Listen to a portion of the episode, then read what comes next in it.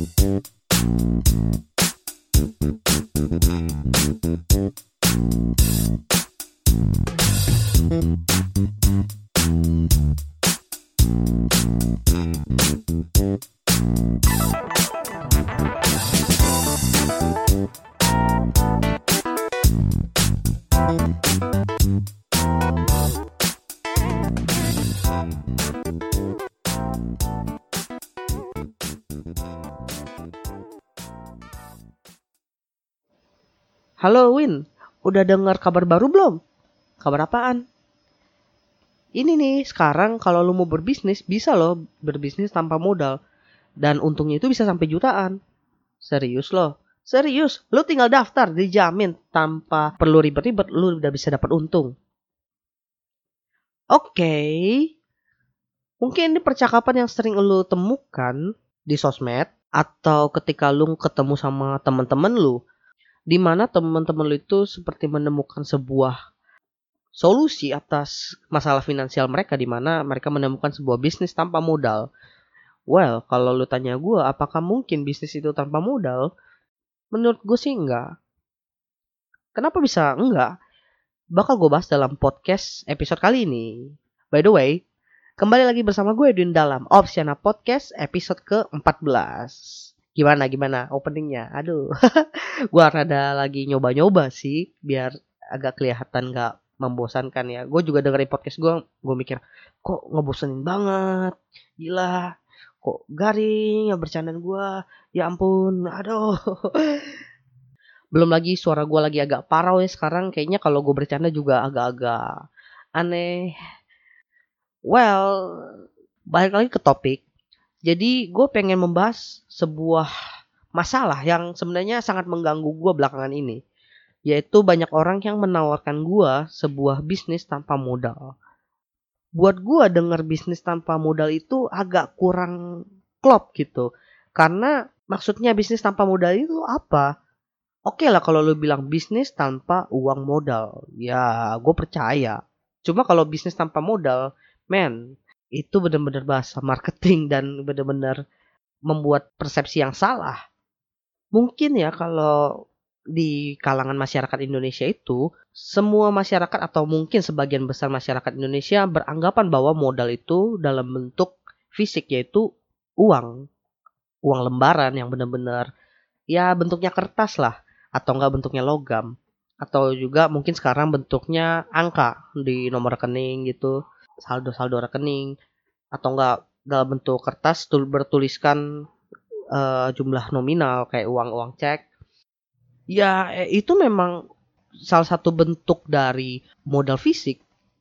Cuma kalau semua bisnis itu harus bergantung kepada modal fisik seperti uang, ya semua bisnis di Indonesia kemungkinan bisa stuck di tengah jalan. Dan hal itu banyak terjadi. Bahkan ya anak-anak muda yang mungkin sepantaran gua, yang lebih muda dari gua, yang lebih tua juga dari gua, mereka itu berpikir kalau gua nggak punya modal ya usaha nggak mungkin jalan dan nggak mungkin bisnis gua bisa terwujud. Gua kasih tahu nih. Jadi gua dulu pernah ngambil salah satu mata kuliah di kampus gua di mana mata kuliah itu tentang bagaimana cara lu membuat bisnis dari awal sampai berjalan.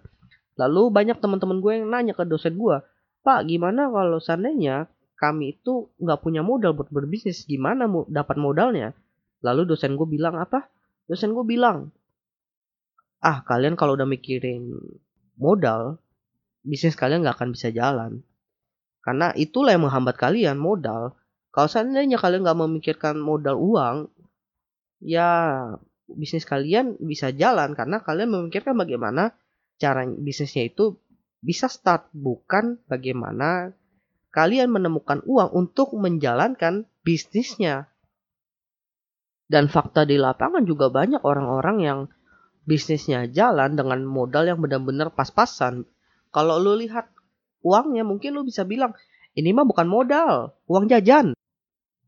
Tapi bisnis mereka itu bisa jalan. Kenapa ya? Karena mereka memikirkan caranya buat menjalankan bisnisnya, bukan gimana nih uang jajan berubah jadi uang modal enggak mereka membuat uang jajan ini sorry nih gue bilangnya uang jajan ya uang jajan ini berubah jadi bisnis bukan jadi uang modal. Toh kalau sananya uang jajan kalian jadi sebuah bisnis, lalu bisnisnya berjalan, kalian dapat untung, ya untungnya itu berubah jadi uang modal kalian buat mengembangkan bisnis itu. Dan setidaknya kalian nggak perlu mulai lagi dari awal karena awalnya itu ya udah mulai dengan uang jajan. Makanya gue tuh kurang suka atau kurang serak dengar kata bisnis tanpa modal. Karena nggak masuk akal aja buat gue. Oke lah kalau gue pernah dengar pekerjaan di mana lu tinggal tidur lalu lu dapat gaji sekitar ratusan juta itu masih gue percaya cuma kalau bisnis tanpa modal tanpa lu perlu ngapa-ngapain lalu dapat duit aja itu nggak masuk akal. Pasti ketika dia bilang bisnis tanpa modal ada sesuatu yang perlu lu lakukan agar lu bisa mendapatkan uang atau keuntungan. Di mana yang lu lakukan itu adalah modalnya berarti lu menggunakan modal non fisik. Di mana yaitu bukan uang yaitu effort lu. Modalnya adalah effort usaha lu waktu lu itu semua modal lalu kalau bicara tentang modal ini sering banget loh dibahas di seminar-seminar bisnis seminar-seminar motivasi dan seminar-seminar karir di mana para pembicaranya sering banget bilang bahwa modal itu bukan selalu tentang uang. Cuma yang anehnya dan uniknya adalah setiap seminar-seminar yang gue ikutin itu pasti ada selalu yang mengatakan atau enggak ada pertanyaan tentang modal. Jadi pembicaranya itu selalu ngomong, kalau kalian mau berbisnis sebenarnya modalnya itu gampang.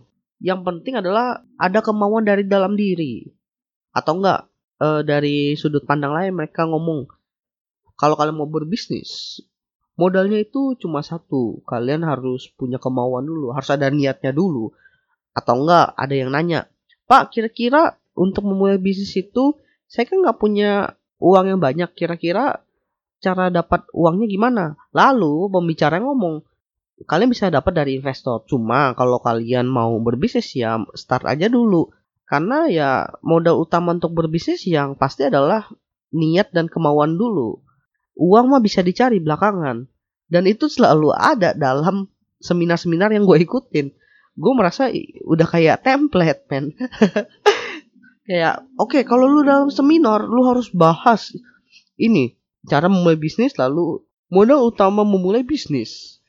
Tapi bermanfaat sih jadi ketika lu mendengarkan dari banyak orang berbeda lalu mereka itu mengatakan hal yang sama ya berarti kita harus percaya bukan cuma bilang ah enak lu ngomong doang lu udah kaya tinggal ngomong. Gua belum mulai.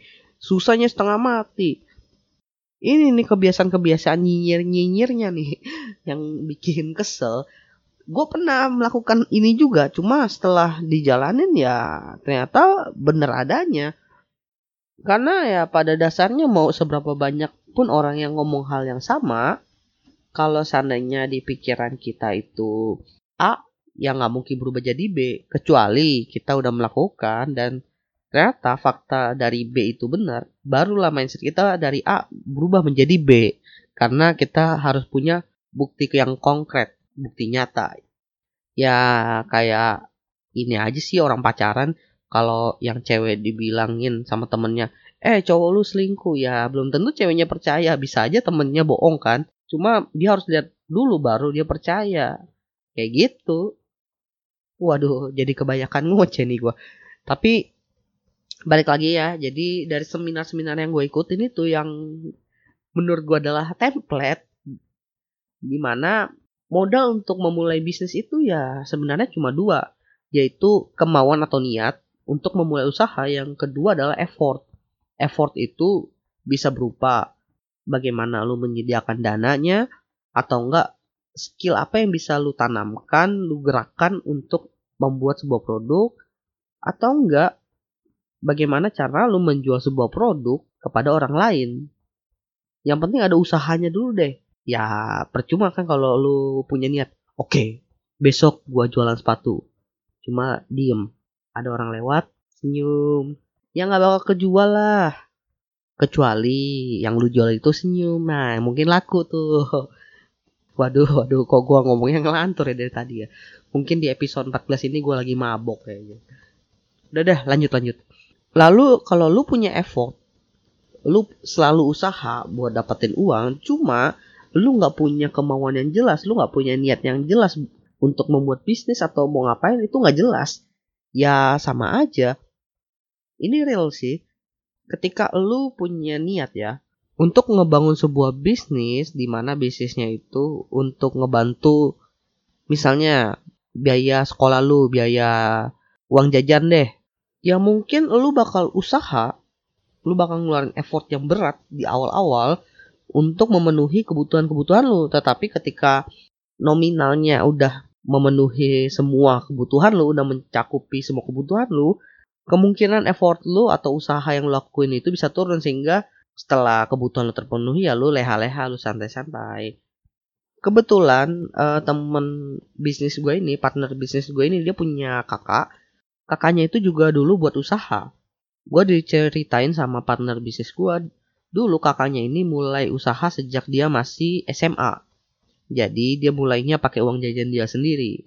Dia itu jualannya sablon baju DTG dan gue diceritain juga bahwa Dulu kakaknya itu punya niat untuk mengumpulkan uang ratusan juta agar bisa memenuhi semua keinginan yang dia mau. Dari awal itu dia mulai sablonnya itu dia beli bajunya lalu sablon di tempat lain lalu mulai berkembang berkembang berkembang. Akhirnya dia bikin mesin sendiri. Bikin loh bukan beli. Beli spare partnya bikin. Dan yang gue denger adalah saat dia mulai masuk ke jenjang kuliah, artinya dia baru mau masuk kuliah dia udah bisa beli mobil sendiri. Di mana di masa-masa itu, lu bayangin aja deh, kira-kira berapa ya? 5 sampai 6 tahun yang lalu, nggak banyak anak SMA yang bisa beli mobil sendiri, pakai uang sendiri. Gila itu sebuah pencapaian yang wah banget buat kakaknya. Gila nggak tuh? Keren nggak tuh? Udah kayak motivator belum gue cuma yang gue dengar dari temen gue ini adalah ketika cicinya mulai atau kakaknya itu mulai memang udah ada niat yang cukup besar dan punya ambisi yang besar. Makanya effortnya itu besar coba lu bayangin sampai bela-belain bikin mesin sendiri. Mesin DTG mesin sablon sendiri. Dengan beli spare partnya lalu bikin itu butuh effort yang cukup besar dan modal yang cukup besar di mana modalnya itu juga dia kumpulin dari nyablon-nyablon dari tempat orang dulu. Jadi ya benar aja sih kalau dibilang modal utama untuk memulai bisnis itu adalah kemauan dan niat untuk membangun sebuah bisnis. Lalu yang kedua adalah effort atau usaha untuk memulai bisnis itu dan menjalankannya. Ya mungkin itu aja sih yang pengen gue sampaikan dari topik ini.